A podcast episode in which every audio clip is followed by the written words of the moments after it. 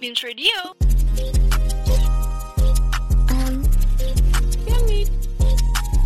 Satu delapan dua koma lima FM Beams Radio, more than just speak. 182,5 FM Beams Radio, more than just speak. Halo Beamers, selamat datang di siaran pertama kita, Traveling Through Words. Perkenalin, gue Andrew, dan selama satu jam ke depan, gue bakal ngisi kegabutan kalian dengan lagu-lagu hits dan informasi-informasi menarik yang pastinya bakal nambah pengetahuan Beamers semua. Dan hari ini gue gak sendirian, tapi gue ditemenin sama partner gue nih, Michela. Halo Andrew. Halo Michela, gimana kabarnya nih? Aduh, walaupun tadi gue sempat agak sakit tenggorokan ya, tapi puji Tuhan banget kondisinya udah, udah baik nih. Dan masih semangat buat nemenin Beamers di rumah. Aku Oke. juga berharap banget Beamers di rumah baik-baik aja ya, karena kan kayak Mm-mm. kita tahu kasus pandemi ini juga udah tinggi banget. Dan di beberapa tempat juga udah dipemberlakuin PPKM level 3. Jadi buat Mm. Beamers yang belum ada keperluan untuk keluar, aku mohon banget nih, kalau bisa terus di rumah aja, jangan lupa jaga kesehatannya. Tidur yang cukup, minum vitamin yang banyak. Kalau lu sendiri gimana, Drew? Baik gak nih keadaannya? Baik dong, kan kita harus sehat-sehat terus biar bisa siaran buat temenin Beamers, ya nggak? Mantap banget. Oke, sebelum kita mulai siaran kita hari ini, aku mau ingetin buat Beamers untuk follow Instagram kita di @beamersradioalsut karena di sana kita bakal banyak kasih Beamers informasi tentang podcast dan siaran kita.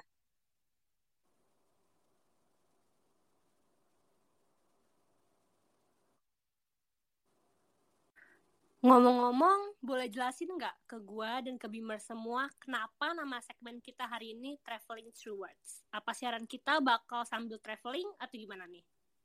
Hmm, bisa dibilang gitu sih, karena pada segmen ini kita bakal menjelajahi wisata-wisata yang memang lagi hits banget di kalangan anak-anak muda. Mm-mm. Dan pastinya bakal diselingi informasi-informasi menarik seputar kawasan wisata tersebut. Nah, jadi sambil dengerin podcast kita, bisa sambil nambah pengetahuan juga, Shell. Wah, menarik banget. Aku yakin Beamers di rumah udah pada excited banget nih buat dengerin siaran kita. By the way, siaran kita kali ini bakal traveling ke mana ya? Penasaran kan? Gue kasih clue-nya dulu kali ya lewat lagu satu ini. Check this one out.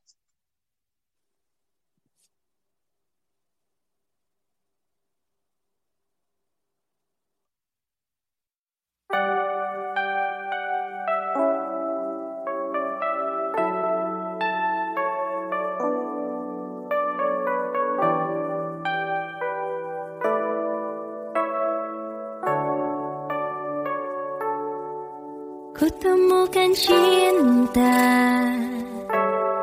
Indahnya Yogyakarta.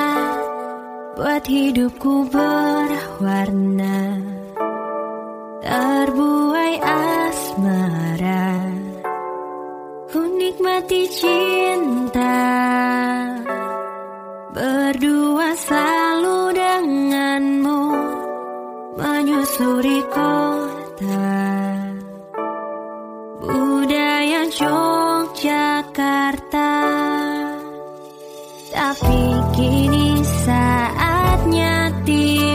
harus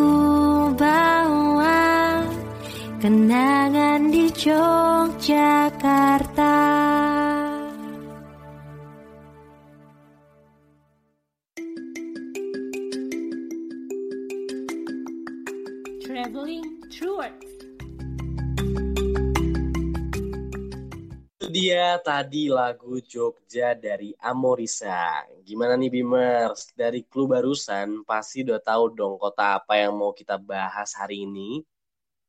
Yap, bener banget Bimers. Hari ini kita bakal menjelajahi kota Yogyakarta. Mulai dari wisata-wisata yang terkenal, makanan-makanan khas Jogja, oleh-oleh khas Jogja, sampai berita-berita up to date. Dan pastinya kita juga bakal banyak belajar sejarah-sejarah dan membagikan fun fact unik yang bermanfaat buat tambah pengetahuan Bimers di rumah. Jadi pastiin kalian dengerin siaran kitanya jangan di skip-skip ya. Ngomongin Yogyakarta, hmm, lu terakhir ke Jogja tuh tahun berapa? Masih inget gak? Ingat banget dong, gue terakhir ke Jogja tuh tahun 2020. Oh, berarti baru sekitar dua tahun yang lalu ya? Iya, karena gue kan memang ada saudara ya di sana. Tante gue tuh tinggal di Jogja, jadi setidaknya setahun sekali itu pasti ke sana. Cuman berhubung karena pandemi lagi naik terus angkanya, udah dua tahun nih gue gak ke sana. Kalau lu ke Jogja biasanya ke mana ke mana aja sih? Kalau gue tuh seneng banget ya kalau bisa liburan, tapi sambil nambah ilmu juga. Jadi biasanya gue datanginnya museum sih. Oh, museum apa tuh yang paling berkesan buat lu? Kalau menurut gue yang paling berkesan itu ke Museum Monumen Jogja Kembali. Eh, kalian yang ada rencana liburan ke Jogja juga wajib banget sih datangin museum ini. Karena soalnya tempatnya beneran bagus dan banyak spot foto yang unik-unik. Dan seperti yang tadi aku bilang kan, pastinya sambil nambah ilmu juga. Tiket masuknya juga menurut aku murah banget karena cuma sekitar 10.000 per orang. Jadi aku saranin buat kalian buat berkunjung ke sana sih. Dan jam bukanya itu sekitar jam 8 sampai jam 2 siang. Jadi jangan sore-sore kalau mau ke sana.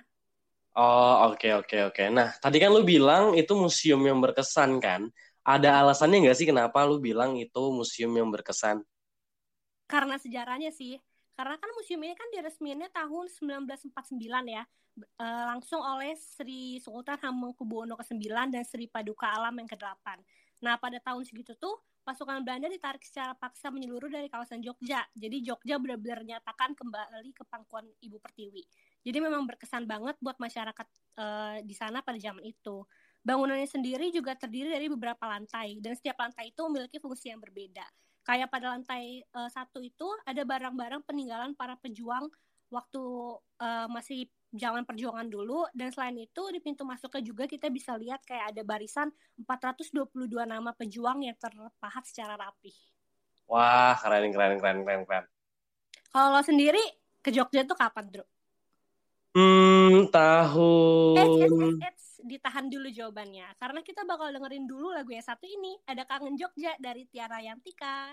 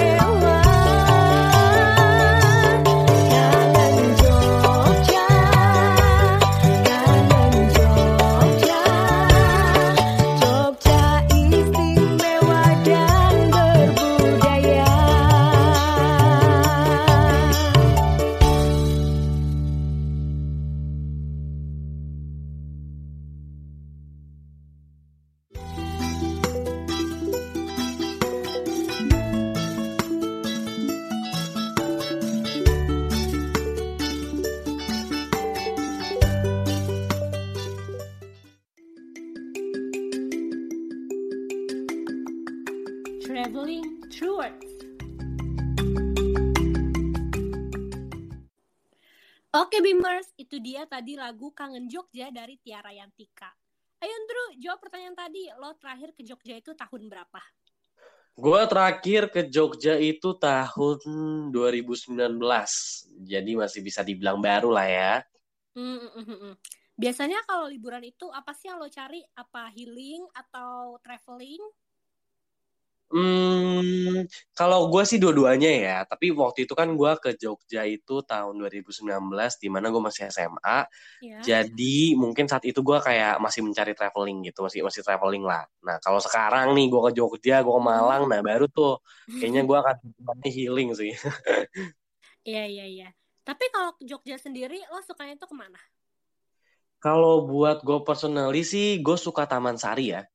Karena Taman Sari itu kan luas banget, sekitar 10 hektar dengan 57 bangunan berupa kolam pemandian, jembatan gantung, kanal air, lorong bawah tanah, dan ada danau buatan juga. Jadi kalau masuk ke sana tuh vibes-nya beneran kayak zaman-zaman kerajaan gitu. Iya, iya. Ya karena emang dibangunnya juga pada masa Kesultanan Hamengkubuwono I di tahun 1798 hingga 1765 atau sekitar 9 tahunan saat Waduh, itu. lama Eh. juga ya. Gak sih mitos tentang Taman Sari? Waduh, mitos apaan tuh? Jadi, terowongan di Taman Sari sebenarnya ada dua jalur. Jalur pertama tembus ke Sumur Gumuling, dan jalur kedua konon katanya tembus hingga ke pantai selatan. Well, dulu sih katanya ada orang yang pernah mencoba untuk menyusuri terowongan kedua tersebut, dan nggak terasa ternyata jalurnya sampai ke pantai selatan. Wah, Tapi, jalur ini juga fungsinya sebagai sarana persiapan penyelamatan jika terjadi peperangan. Nah, entah karena hal atau enggak, yang jelas terowongan tersebut kini dipagar besi. Alasannya sih karena atap terowongan terbuat dari kayu yang jika dilewati, atau dilewati pengunjung gitu, dikhawatirkan bisa membahayakan para pengunjung, Shell. waduh, gue beneran baru tahu sih. Bisa nambah informasi baru nih buat gue. Kan? Tapi kayaknya nggak afdol deh kalau kita nggak ngebahas wisata romantis yang bisa datangin sama pasangan kita kalau ke Jogja. Nah, kalau itu, gua ada rekomendasi nih buat kalian yang bingung mau bawa pacar kalian liburan di mana. Coba datang ke hutan pinus Mangunan. Itu tempatnya bener-bener cakep dan instra instagramable banget. Selain itu, harga tiketnya juga murah banget, cuma Rp3.000 aja per orangnya. Mm-mm. Jadi kalian nggak akan tekor deh. Kalau kalian udah puas ngelilingi hutan pinus Mangunan, kalian bisa lanjut ke kebun buah Mangunan, Jurang Tambelan, dan Pinus Pengger. Wisata-wisata yang barusan gue sebutin tadi, jaraknya nggak berjauhan. Jadi nggak perlu nambah biaya transportasi. Dan hal yang paling penting adalah wisata-wisatanya nggak kalah romantis dibanding cuman ngajak gebetan lo ke kafe. Wah, keren-keren. Tuh guys, romantis itu nggak harus mahal. Yang penting kenangannya. Dan Mm-mm, yang penting juga effortnya ya, Gandro. betul banget. Buruan deh ajak pasangan kalian ke sana. Apalagi ini kan bulan Februari ya, bulan penuh cinta. Bulan, Valentine's bulan Day. cinta. Dan biar lebih romantis juga, gue punya nih rekomendasi lagu yang harus banget lo denger kalau lagi di Jogja. Yuk kita dengerin? Jogja dari Aditya Sofyan.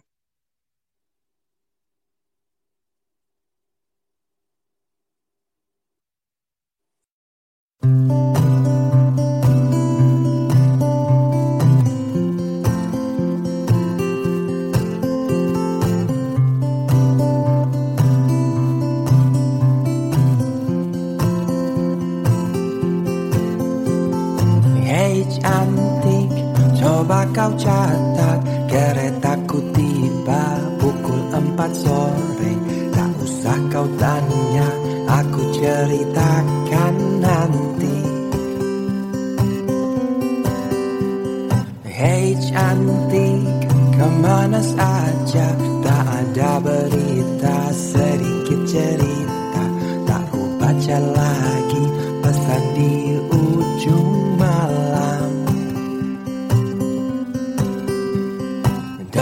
Jakarta muram kehilanganmu. Terang lampu kota tak lagi sama. Sudah saatnya kau tengok puing yang tertinggal. Sampai kapan akan selalu berlari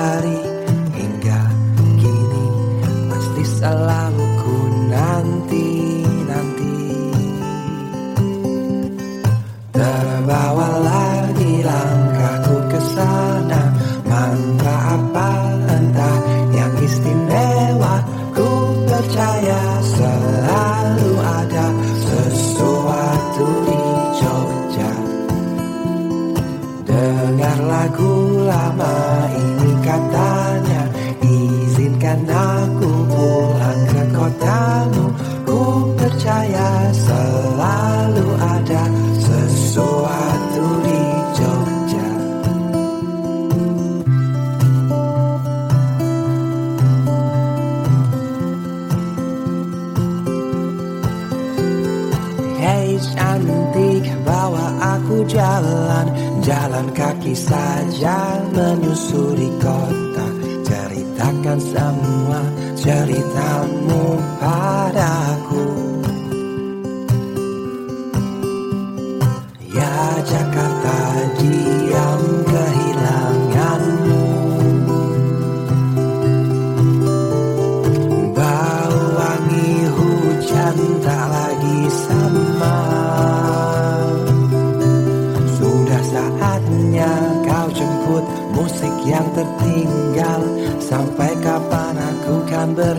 sendiri Hingga kini masih selalu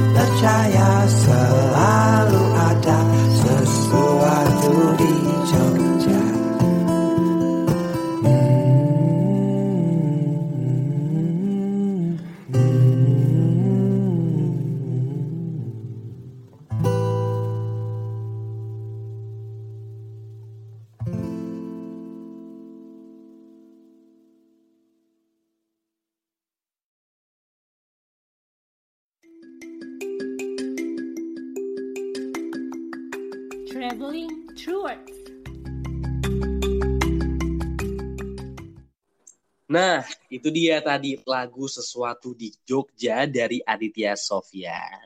Memang ya lagu-lagu dari Aditya Sofyan itu selalu berhasil buat hati gue kangen Jogja, Sel. Apa aja sih yang lo kangenin dari Jogja? Hmm, apa ya? Semuanya deh kayaknya. Beneran? Lo kangen Jogja atau kangen makanan-makanan khas Jogja nih? Nah, itu juga sih sebenarnya. Makanan khas Jogja tuh memang bener-bener enak dan nempel banget di hati, Sel. Parah. Makanan Jogja favorit lo tuh apa? Gudeg sih udah pasti. Ah, tuh kan gue jadi lapar lagi kan. Ada. Tapi lo tau gak kalau gudeg itu bukan nama makanan? Maksudnya apa? Jadi gini, gudeg itu sebenarnya nama cara metode masaknya. Kayak lo menggoreng, merebus. Nah, orang setempat tuh biasanya nyebutnya ngegudeg. Oh alah, ini beneran atau gue baru tahu sih? Iya Waduh, beneran. ini beneran. Emang ya ini siaran nih bener-bener nambah wawasan banget nih buat Bimers di rumah. Iya gak sih? Iya dong, pastinya. Nah, kalau makanan kesukaan lu apa, Shell? Waduh, kalau ngomongin makanan kesukaan gua, kayaknya ini siaran bakal tiga jam deh saking banyaknya. Ah, masa sih? tenang, tenang. Di rumah masih setia dengerin kok. Oke oke, makanan kesukaan gue tuh ada banyak ya. Yang pertama itu ada sate kelatak. Lu tahu nggak sate kelatak? Ah, yang kayak gimana tuh? Jadi sate kelatak itu sate sih, tapi bahan utamanya Hmm. daging kambing yang bener-bener gue nggak ngerti cara olahnya gimana, tapi bener-bener lembut banget, gak berbau sama sekali dan bumbunya tuh enak banget, kayak beda dari sate-sate lain yang ada di Jakarta loh. Dan juga, Hmm. Eh, selain makanan utamanya ya, makanan pendamping khas Jogja itu juga enak-enak banget. Kayak ada kalau lu ke restoran Jogja nih, lu pesen deh namanya sambal goreng krecek. Itu Ah sambal iya. Mm, lu mm. makan pakai nasi doang aja udah enak, coy. Jadi kalau misalnya kadang makanan pem- makanan utamanya belum datang nih, gue Hmm. suka nyemilin sambal karena enak banget. Wah kalau pandemi udah lewat nih fix gue langsung ke Jogja sih buat nyobain semuanya. Parah. Eits, tapi tunggu dulu. Tadi kan baru makanan-makanan asin-asinnya nih. Ini ada lagi nih, kue-kue tradisionalnya yang harus banget lo coba juga. Kalau misalnya lo ke Malioboro nih, lo jalan kaki gitu, Hmm. coba deh lo cari penjual kue kipo. Jadi kue kipo itu kan kayak, eh, gue gak ngerti ya dari apa, tapi kayaknya dari tepung ketan deh. Jadi kayak tepung ketan diisi kelapa sama gula aren gitu. Rasanya bener-bener manis, gurih gitu. Pokoknya kalau sekarang sih udah susah dicari ya, tapi beneran itu kalau misalnya lu dapet, lu kasih tau gue itu memang worth it banget, itu enak banget. Kalau kue tradisional yang lo suka tuh apa? Gue nggak begitu suka makan kue sih sebenarnya. Tapi ada satu kue yang enak di Jogja. Itu namanya geplak. Dia terbuat dari kelapa sama gula merah gitu. Mm-mm. Dan bentuknya itu lucu banget. Bola warna-warni gitu. Dan banyak banget ditemuin di Jogja. Jadi kalau lo pergi ke Malioboro gitu. Pasti banyak yang jual geplak. Karena udah terkenal banget di sana. Hmm. Makanan-makanan tradisional Indonesia memang banyak banget sih yang enak. Rasanya jadi makin gak sabar nih buat balik liburan ke Jogja. Nah, kalau tadi kita udah bahas wisata Jogja dan makanan tradisional khas Jogja, Ya. habis ini kita bakal ajak Bimers buat berburu oleh-oleh khas Jogja. Tapi Wih, sebelum asik. itu, yuk kita dengerin dulu lagu yang satu ini. Ada Jogja dan Kenangan dari Langit Sore.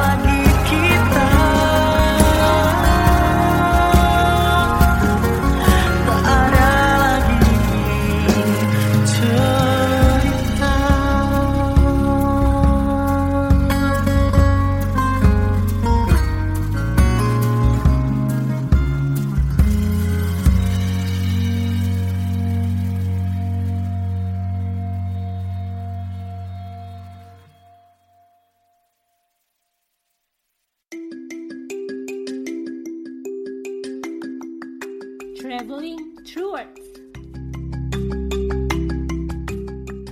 Oke, seperti janji kita tadi, kita bakal ajak Beamers berburu oleh-oleh khas Jogja. Asik. Oke, oleh-oleh apa? Kue itu makanan kering karena kan perjalanan kita dari Jogja sampai ke Tangerang itu cukup jauh ya. Jadi ini dia rekomendasi oleh-oleh dari gue biar bisa jadi referensi buat Beamers yang mau cari oleh-oleh. Yang pertama Mm-mm. ada bakpia patok. Siapa sih yang nggak tahu sama makanan satu ini? Salah satu yang nggak boleh lu lewatin adalah cita rasa bakpia khas Yogyakarta. Popularitasnya tetap tak tergantikan meskipun udah mulai bermunculan nih bakpia-bakpia kekinian.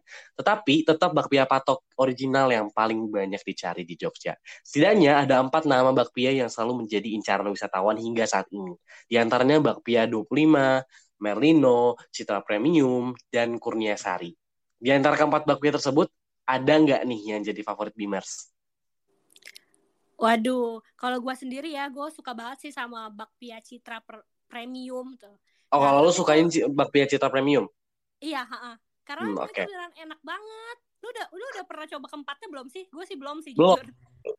Belum ya. Ya. Itu nanti kalau udah pandemi lewat, semoga kita semua Mm. bisa liburan dan cobain keempat. Aduh, amin, amin. Amin. Yang kedua, yang gak bu- yang nggak kalah enak dan gak kalah terkenal, yaitu yangko. Yangko ini merupakan kue khas Yogyakarta yang teksturnya mirip banget sama mochi. Kue ini bisa menjadi pilihan buat beamers yang menyukai kudapan manis dan kenyal. Kamu dapat membeli yangko ini di toko-toko oleh-oleh dan industri yangko rumahan. Salah satu yang terkenal itu ada yangko Paprapto. Lu udah pernah belum? Aduh, belum lagi. Nah, teman-teman Beamers, selain yang manis-manis, ada juga loh oleh-oleh gurih khas Jogja. Salah satunya adalah peyek tumpuk. Peyek tumpuk bisa menjadi pilihan jika kalian semua menyukai camil, cemilan nih yang gurih dan renyah. Karena di Yogyakarta, peyek ini biasanya ditaburi dengan kacang tanah maupun teri. Keunikan dari peyek tumpuk itu yakni bentuknya yang bulat dan gak berbentuk pipih. Kalau Beamers penasaran sama makanan yang satu ini, Beamers bisa membeli peyek tumpuk di beberapa toko oleh-oleh atau pasar tradisional karena banyak banget di sana. Iya, iya, iya. Aku juga mau ngasih rekomendasi ke Beamers toko oleh-oleh khas Yogyakarta. Yang pertama ada toko oleh-oleh khas Jogja Butini. Nah, di toko ini tuh biasanya dijual eh, banyak makanan-makanan manis. Nah, toko ini tuh letaknya tuh strategis banget ya karena ada di keramaian kota Jogja, ada di Malioboro dan pilihan oleh-olehnya juga mulai dari Wingko. Wingko, Yangko sampai cemilan-cemilan kering. Dan kalau masalah harga, toko toko yang satu ini benar-benar dijamin murah banget. Kalau toko yang kedua ada namanya Hamzah Batik. Toko yang satu ini nggak cuma jual makanan aja, tapi dia jual juga pakaian tradisional, batik, aksesoris, bahkan sampai perlengkapan rumah.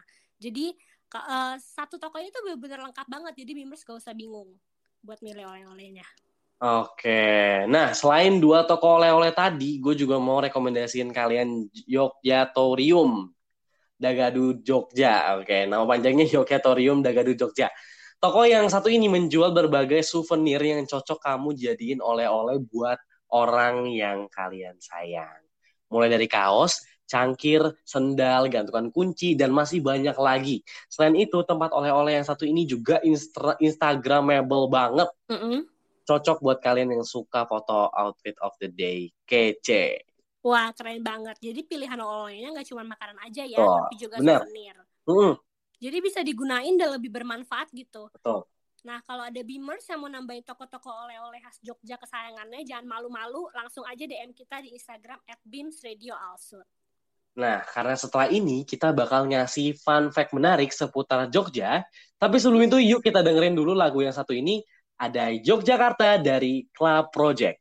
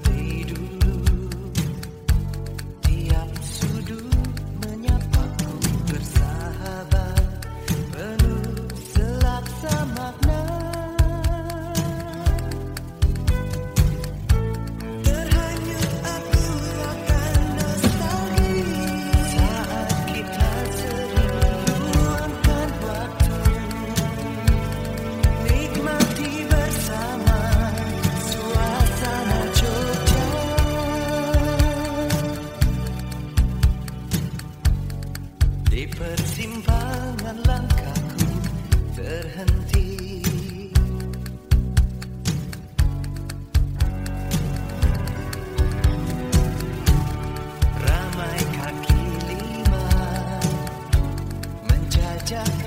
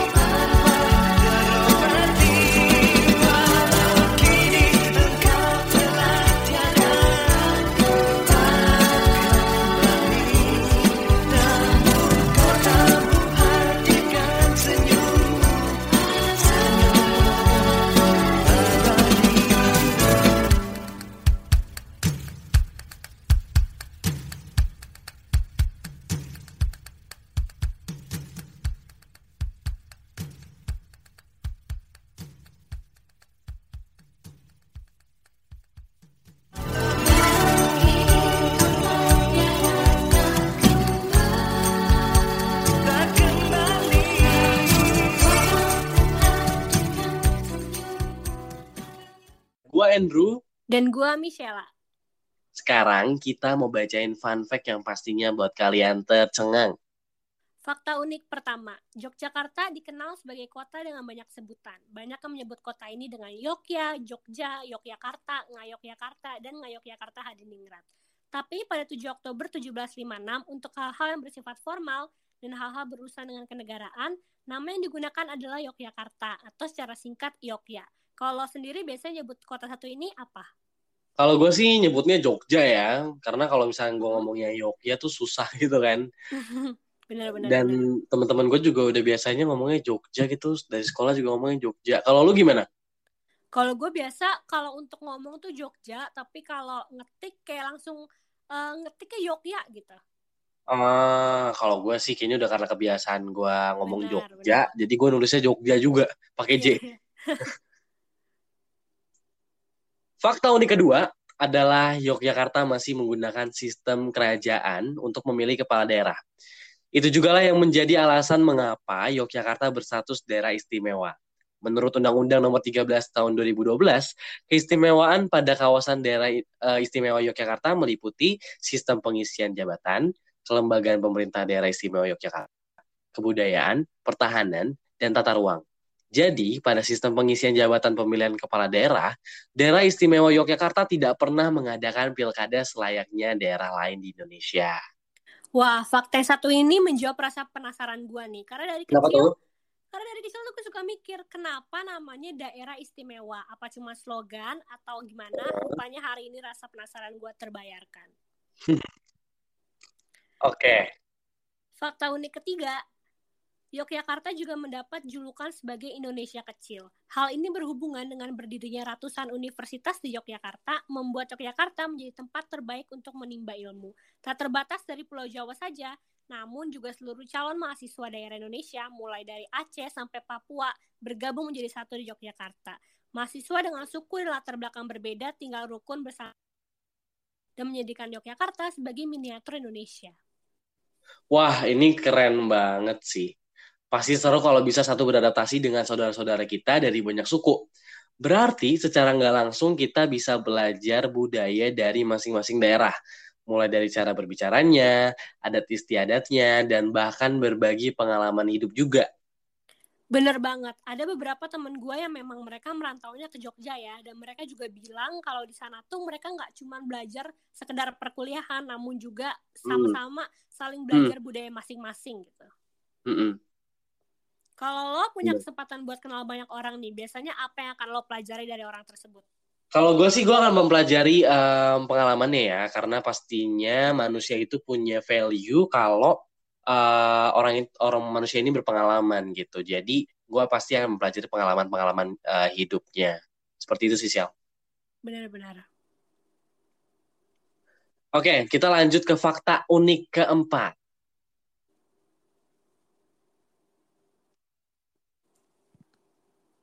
Mall yang terletak di Jalan Malioboro ini dibangun pada tahun 1993. Lokasinya yang strategis menjadi alasan kuat mall ini selalu ramai dikunjungi oleh pelanggan. Bahkan sampai saat ini loh Bima. Kalau mau di Jogja kesukaan lo apa nih, Michelle?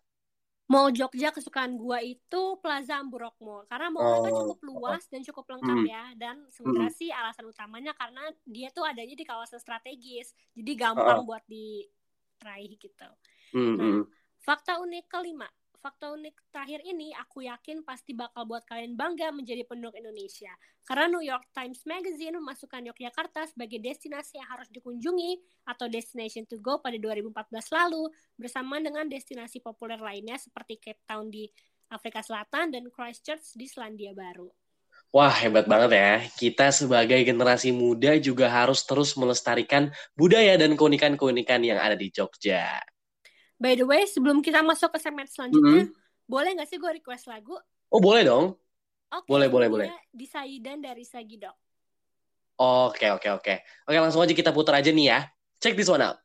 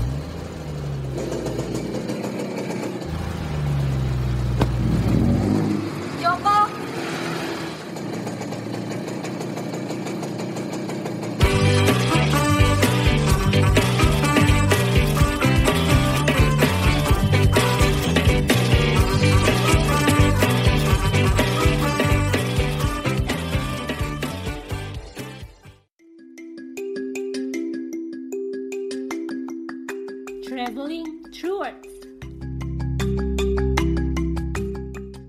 Tadi lagu Disaidan dari Sagidok. Sekarang kita bakal baca informasi terup to date Jogja seputar bulan Februari. Berita pertama. Dilansir dari Detik Travel, pemberlakuan pembatasan kegiatan masyarakat atau PPKM di daerah istimewa Yogyakarta resmi berlaku level 3 Pariwisata Yogyakarta, Singgi Raharjo menjelaskan bahwa pariwisata non-esensial tetap diperbolehkan dibuka. Dengan ketentuan pengunjung tidak lebih dari 25% dan tetap harus mengikuti protokol kesehatan yang berlaku, serta penegakan QR Code peduli lindungi. Dan untuk kebijakan industri perhotelan kapasitas maksimal kunjungannya juga sudah dikurangi menjadi 50% dari daya tampung. Semoga pandemi bisa cepat berakhir ya, biar perekonomian pariwisata Indonesia bisa bangkit lagi. Dan kita bisa kembali liburan ke Jogja. Iya, amin banget, amin banget. Itu mah amin paling serius. kita beralih ke berita selanjutnya. Berita kedua dilansir dari kompas.com. Mulai tanggal 1 Februari lalu, para pedagang kaki lima di sepanjang Jalan Malioboro diarahkan untuk pindah berjalan di dua lokasi yang baru berada di gedung bekas bioskop Indra di kawasan selatan Malioboro. Meski berimbas pro dan kontra, namun sejumlah pengunjung yang ditemui mengakui lebih leluasa berjalan kaki menyusuri kawasan Malioboro. Kalau tanggapan lo sendiri gimana nih, Indro? Lo setuju nggak sih dengan adanya pemindahan para kaki lima ini? Apalagi kan melihat kenyataan kalau memang mereka tuh udah Hmm. bertahun-tahun di sana dan kawasan mereka tuh udah ikonik banget gitu. Em, pro dan kontra banget sih, karena kan kalau dari masyarakat nih, kalau kita lihat dari sudut pandang masyarakat, ya kawasannya jadi lebih luas sih, ya nggak sih? Tapi kalau misalnya kita lihat dari sisi eh, pedagang kaki limanya, sebenarnya tuh eh, ada positifnya juga loh, karena karena ini mereka tuh dipindahin doang kan, mereka nggak Mm-mm. nggak yang Bukan digusur nggak ya. yang- Iya benar, bukan digusur, bukan diusir gitu. Mereka hanya dipindahkan. Jadi eh, kalau gue sih setuju-setuju aja sih selama eh, kedua belah pihak dari pedagang kaki lima dan masyarakatnya oke-oke aja. Kalau gue sih. Kalau gue ya, kalau menurut gue malah Hmm. lebih bagus. Jadi kan mereka dikumpulin di satu tempat loh. Jadi orang lebih Iya benar. ya kan? Heeh, heeh. Jadi Benar, lebih laku malah menurut gue. Mm-mm. gue jadi penasaran nih, kira-kira gimana tanggapan Bimers di rumah tentang berita yang satu ini? Nah, yang yang mau kasih tanggapan boleh langsung DM kita ya. Betul. Nah, ngomongin Malioboro nih, gue ada lagu yang pas buat menutup segmen kita, segmen berita kita. Mhm. Ada Malioboro dari Yosi Loki.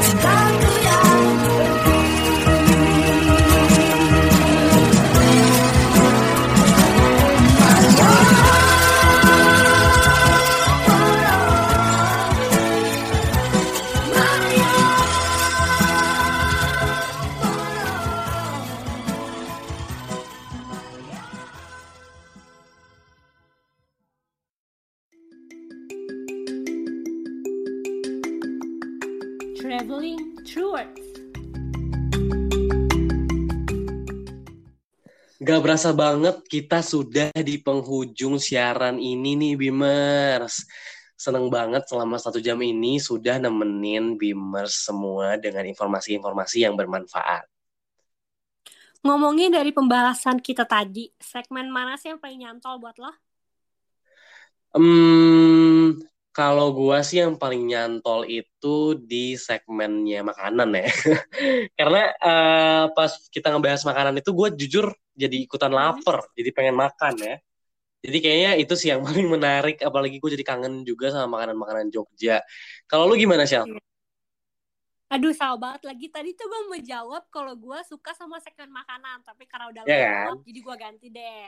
Gue Apa suka tuh? sama fun fact. Karena yang tadi gue bilang, gue baru tahu Ah. kalau daerah istimewa itu rupanya bukan cuma slogan. Bener, Terus- bener, bener, bener. Sama fun fact yang ini, yang terakhir. Rupanya eh, Yogyakarta masuk ke destination to go. Kan bangga banget ya kita Wah, benar iya sih, sama orang sih. luar negeri. Karena kalau kalau kalau lo tanya nih, eh, do you know Indonesia? Orang cuma taunya, hah Bali, Bali, cuman Bali, Bali doang nih. Tapi kalau sekarang udah enggak dong. Udah Iya, tahu kita bisa bangga ya. Ah, ah, ah. Kita bisa, Gimana kita tadi? bisa. Ya kita bisa bilang ke orang-orang, enggak Yogyakarta juga bagus gitu kan. Betul, betul, betul, betul. Aduh, gue berharap banget kalau pandemi bisa cepet berakhir biar kita bisa traveling lagi. Gue juga berharap semoga Bimer semua yang sedang mendengarkan uh, dalam keadaan yang sehat-sehat, yang lagi dengerin nih keadaannya sehat-sehat. Terus jaga protokol kesehatan, menerapkan 5M dan untuk Bimers yang mungkin lagi sakit, uh, aku doain semoga cepat sembuh. Amin. Amin.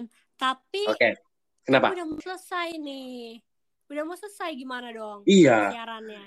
Ya, nggak masalah, jangan galau karena siaran hari ini eh karena Bims Radio akan terus temenin kegabutan kalian mulai dari Senin, Jumat dengan berbagai topik asik tiap harinya. So, jangan bosan-bosan buat dengerin siaran kita ya. Maaf banget nih teman-teman kalau ada salah-salah kata. Selamat beraktivitas, Bimers. Dan jangan lupa juga buat follow kita di Hmm. @bims Radio Bims Also. Radio Also. Betul. Dan untuk menutup perjumpaan kita hari ini, Hmm. Gue punya tunggu aku di Jogja dari Gemini. Dan kapan ke Jogja lagi dari The Everyday Band. Check this one out. Bye, Beams. Bye.